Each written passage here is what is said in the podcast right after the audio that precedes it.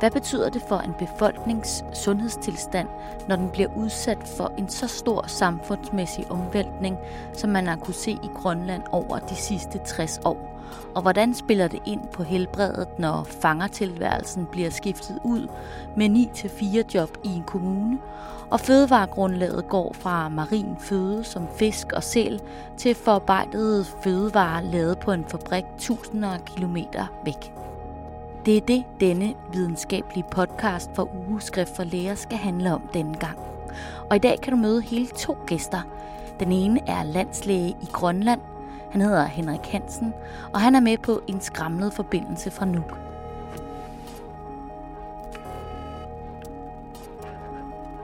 Hej Henrik, det er Den anden er Anders Kok, der er professor i infektionsmedicin på Rigshospitalet og Serum Instituttet i København, og så er han også formand for Grønlands Medicinsk Selskab, der i disse dage fylder 50 år.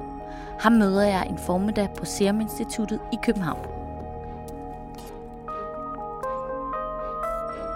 Velkommen til. Jeg hedder Karen Sirede Jacobsen. Jeg hedder Anders Kok, og jeg er special i infektionsmedicin og også epidemiolog. Jeg arbejder både på Rigshospitalet og på Statens Serum Institut, og så også i det grønlandske sundhedsvæsen, hvor jeg har sådan en tredelt øh, årlig øh, stilling ved de tre institutioner, og hvor jeg i Grønland er tuberkuloseansvarlig overlæge. Det grønlandske øh, samfund har jo udviklet sig kolossalt over de sidste ikke bare 50 år, som øh, øh, vi nu er i, men også, også øh, øh, længere. Øh, fordi man er jo gået fra et øh, øh, samfund til, at øh, mange steder i Grønland har et samfund, som ligner det danske, altså hvor, hvor folk har samme type arbejde og bor i samme type huse. Og alligevel er der meget stor forskel. Og det, at, øh, at øh, samfunds- øh, og levevilkårene specielt ændrer sig så drastisk øh, øh, over, over det sidste år, århundrede, det har jo også medført nogle betydelige øh, Øh, ændringer i sundheds- og sygdomsforholdene. Så øh, hvor man øh, for i sidste århundrede, første halvdel af sidste århundrede før, da i høj grad var afhængig af fangst, primært af havpattedyr, så er man jo i dag gået over til at have en, en øh, øh kost, som minder meget om det, vi har i Danmark. Det er, der er ikke helt så mange grøntsager, kan man sige. Det er dyrt i, i øh, øh, Grønland, øh, men, øh, men, men på mange måder minder det jo øh, om det. Men med en mere vestlig levevis har livsstilssygdomme som diabetes og hjertekarsygdomme erstattet tidligere infektionsmedicinske sygdomme som tuberkulose. Middellevetiden er stigende i Grønland. 73 år for kvinder og 69 år for mænd. Men som i så mange andre lande, så står livsstilsrelaterede sygdomme for den største dødsårsag. Men i Grønland udgør selvmord og ulykker en ikke helt ubetydelig del af statistikken. Øh, det synes jeg, at øh, spædbørnsdødeligheden, den, den er blevet meget lav i Grønland, så det fylder ikke noget. Men når vi så kommer op i dem, der er lidt ældre, teenager og ældre, så fylder selvmord uhyggeligt meget.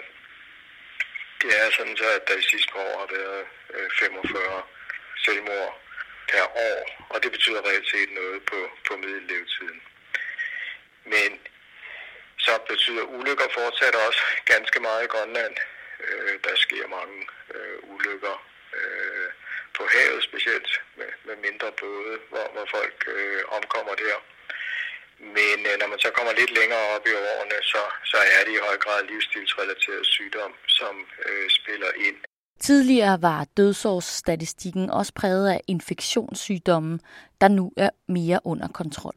mens, mens de tidligere var de store dræbere, kan man sige, særligt til tuberkulose, så fylder de ikke så meget nu i dødsårsagerne, men de fylder ganske meget stadigvæk i, øh, sygdoms, øh, i sygdomsbyrden i det hele taget. Og her spiller ulighed en vigtig rolle, siger landslæge Henrik Hansen. Så, så som alle andre steder i verden øh, har det udviklet sig til at være en, øh, en sygdom, som er stærkt afhængig af de sociale vilkår. Og uligheden i Grønland er jo stor.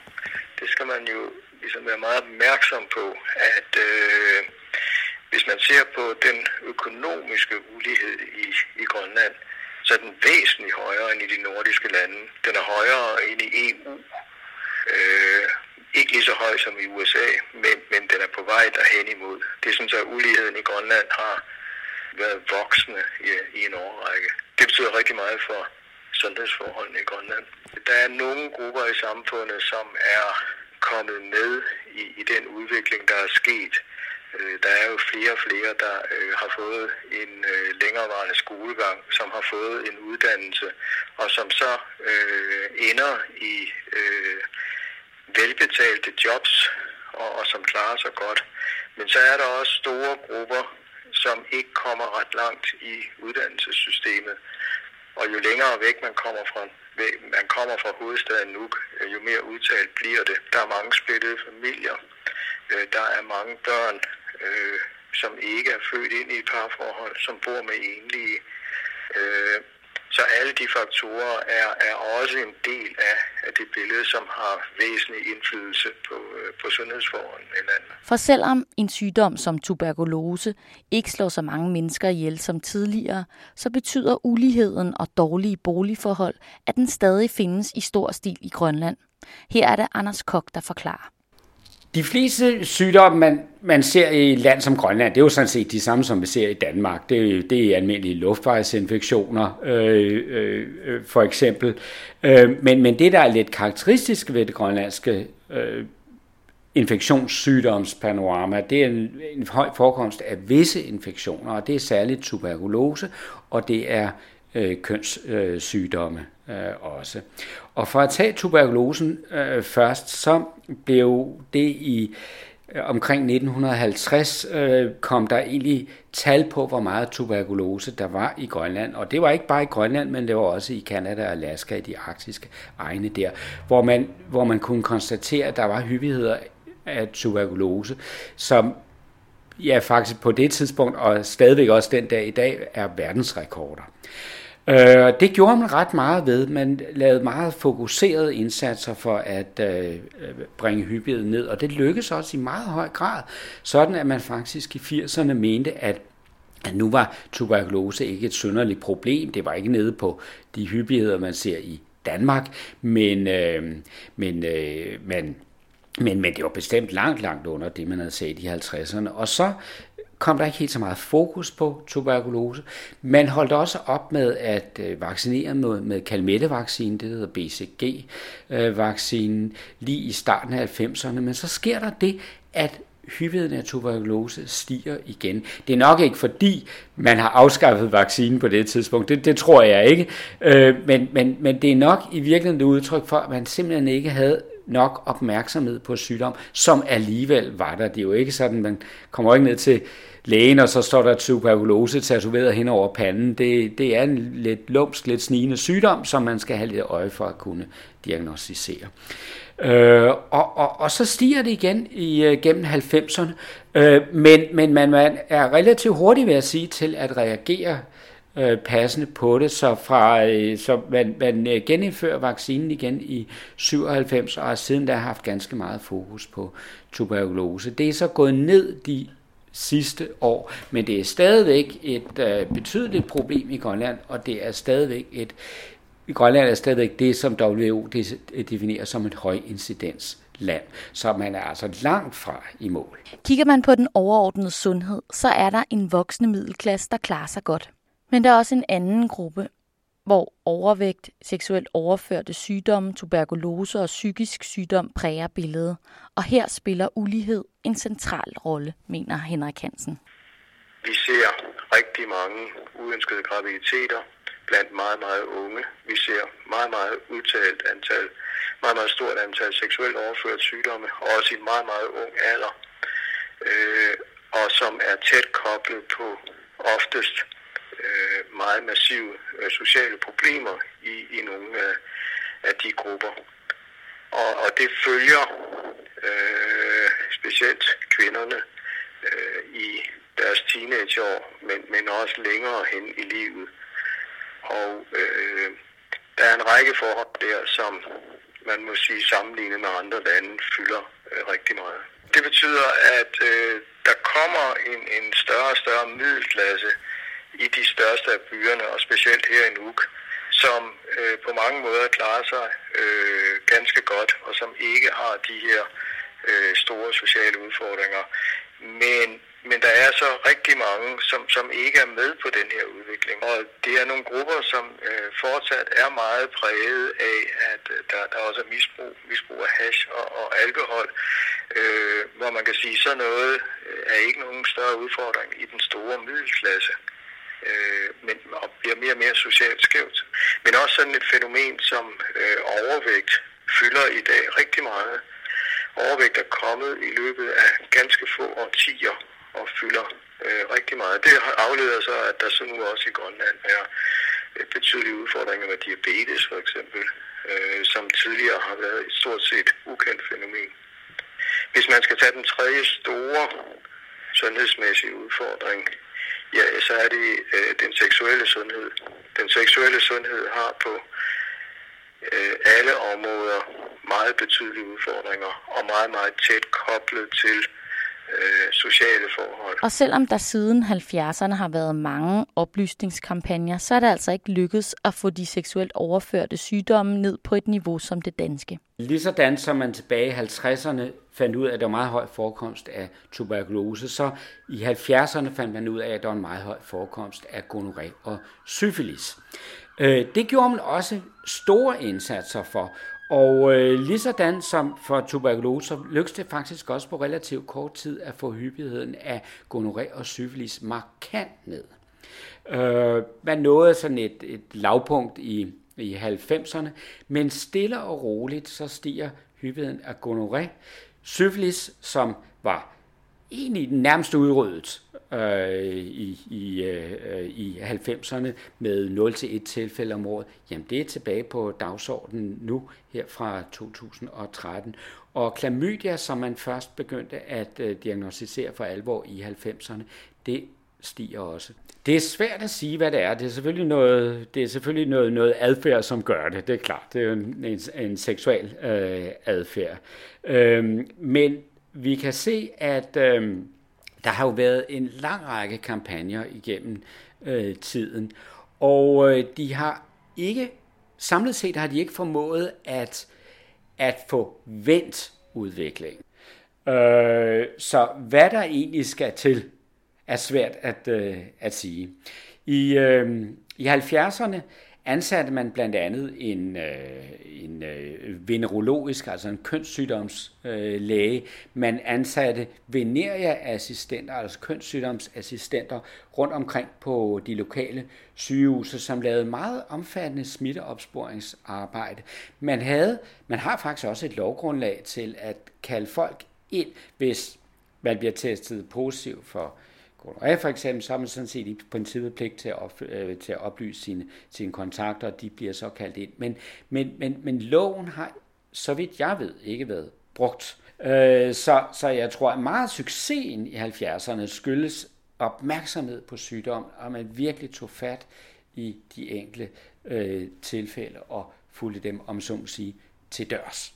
En anden stor infektion, der præger statistikkerne, er kronisk mellemørebetændelse. Det er, en, det er en underlig historie med mellemørebetændelse, fordi det øh, har man vidst i mange år, at øh, det blandt øh, inuitbefolkninger i Arktis har været, øh, har været meget, meget hyppigt.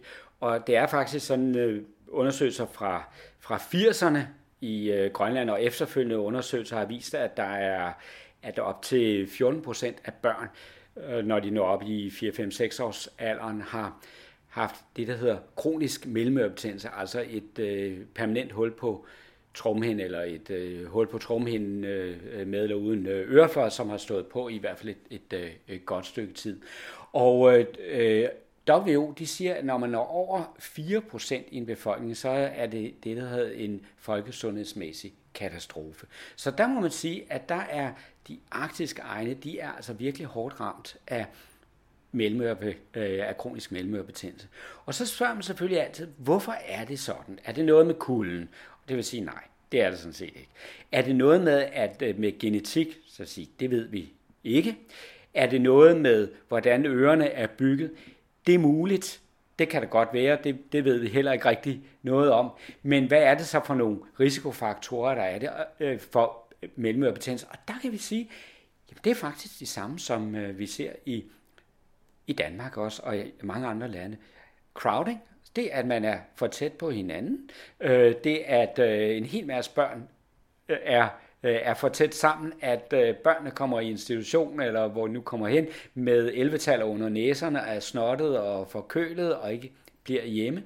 Øhm, barselsårloven er kort i øh, Grønland, man kommer hurtigt i institution. Øh, det, at man bor øh, flere sammen i øh, under lidt trange husforhold, passiv rygning.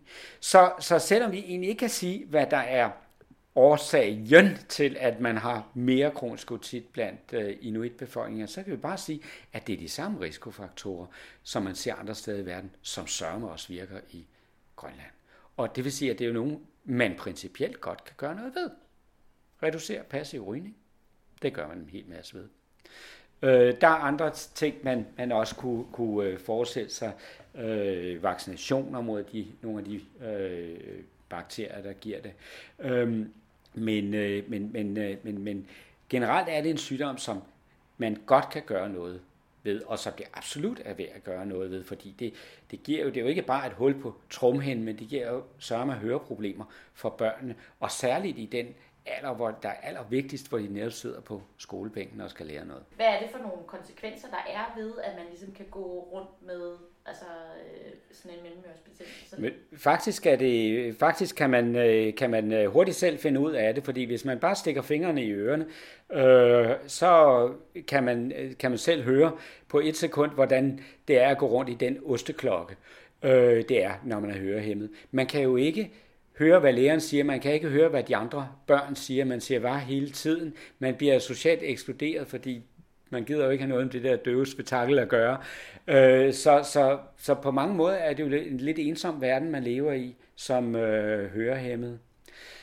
Øh, og, og vi ved fra forskning, at øh, øh, netop i Grønland, at det er faktisk noget, der går forældrene ganske meget på det er ikke bare accepteret som en naturlig del af barndommen, at, øh, at deres børns ører flyder, og de ikke kan høre helt så godt. Det er noget, der giver, der, der giver problemer øh, for forældrene. De, de føler sig stigmatiseret også, så det har altså en, en effekt på hele familien, og ikke bare det enkelte barn.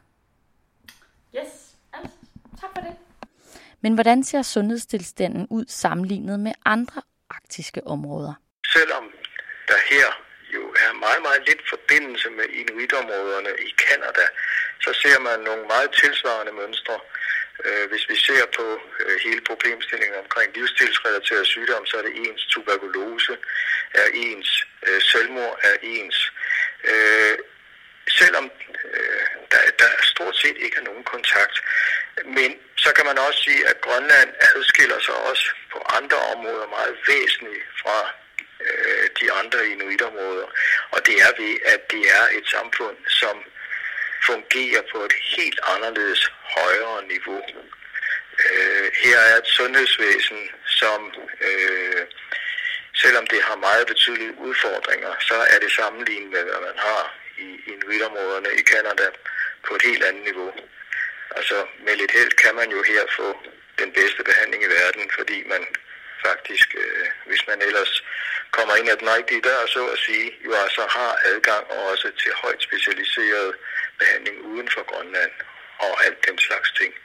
Der bor ca. 56.000 indbyggere i Grønland, og med et areal på over 2 millioner kvadratkilometer, hvor det meste er ubeboet, er der helt åbenlyse udfordringer for at få et moderne sundhedsvæsen til at fungere.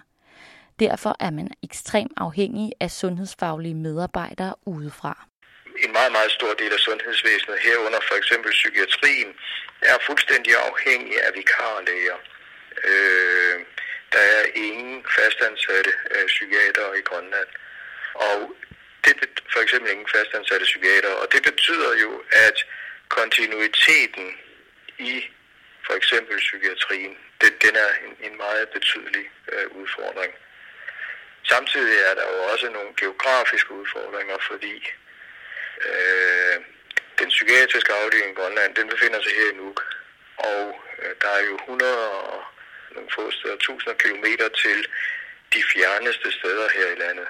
Og det gør jo også, at det er uhyre vanskeligt at øh, have behandlingsforløb, hvis man bor øh, langt væk fra Nuuk. Fordi så skal det være telemedicinsk hovedsageligt og den slags ting, og, og det bliver aldrig det samme som en, en direkte relation, øh, som man reelt set kun kan øh, have øh, her i Nuuk.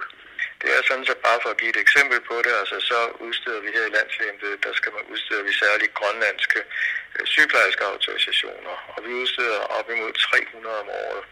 Og det tal betyder, at der kommer 300 mænd sygeplejersker til hvert år, som aldrig har været her før. Man skal kun have autorisationen én gang. Mm. Øh, og, og et system af den her størrelse med 56.000 mennesker, som hvert år modtager 300 sygeplejersker, som er her for første gang det, det illustrerer for mig øh, på alle måder, hvor, hvor store tab man har ved hele tiden at introducere nye medarbejdere, øh, som øh, for hovedpartens vedkommende øh, forsvinder lige så hurtigt igen.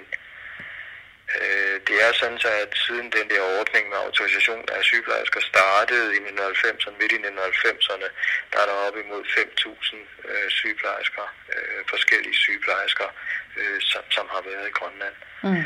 Og øh, den konstante turnover er øh, selvfølgelig øh, enorm, en enorm barriere for at øh, drive et, et effektivt sundhedsvæsen.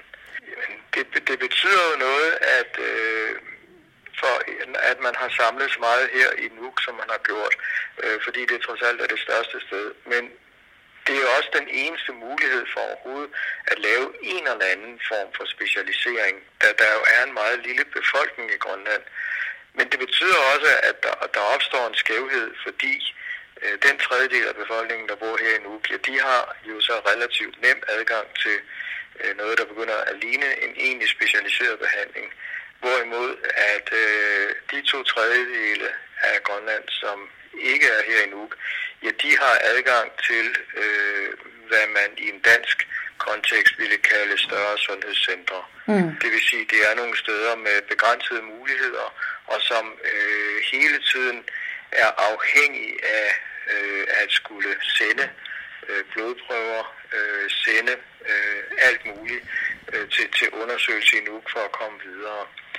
Og samtidig er den samlede kapacitet i sundhedsvæsenet øh, begrænset af mange forskellige grunde. Og det betyder for eksempel, at vi har lige i øjeblikket arbejdet med at kigge på øh, kræftforløb, og der er ikke pakkeordninger og den slags ting her i landet.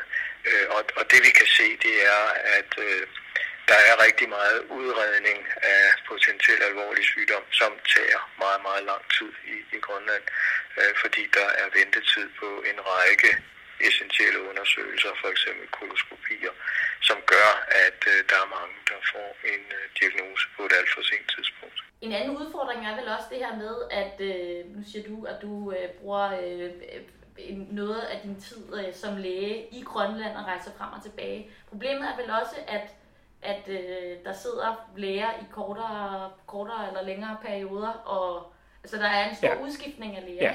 Og, ja, og det er et kæmpe problem. Og der vil jeg sige, der er jo sådan set selv en dårlig eksponent for det, fordi jeg rejser op flere gange om året.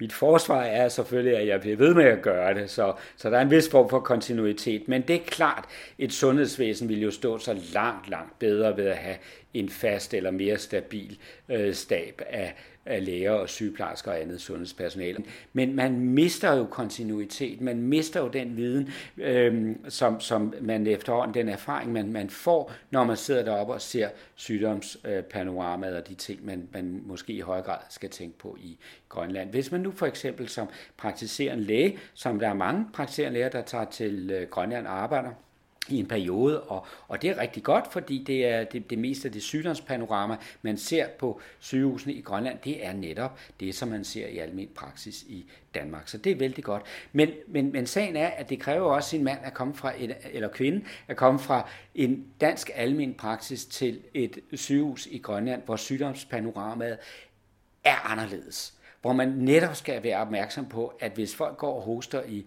længere tid, så er det altså ikke ligesom det måske er i høj grad i Danmark, at det kunne være tegn på lungekræft og sådan noget, men der skal man altså også tænke tuberkulose. Så der er nogle ting, man skal omstille sig til at øh, tænke på.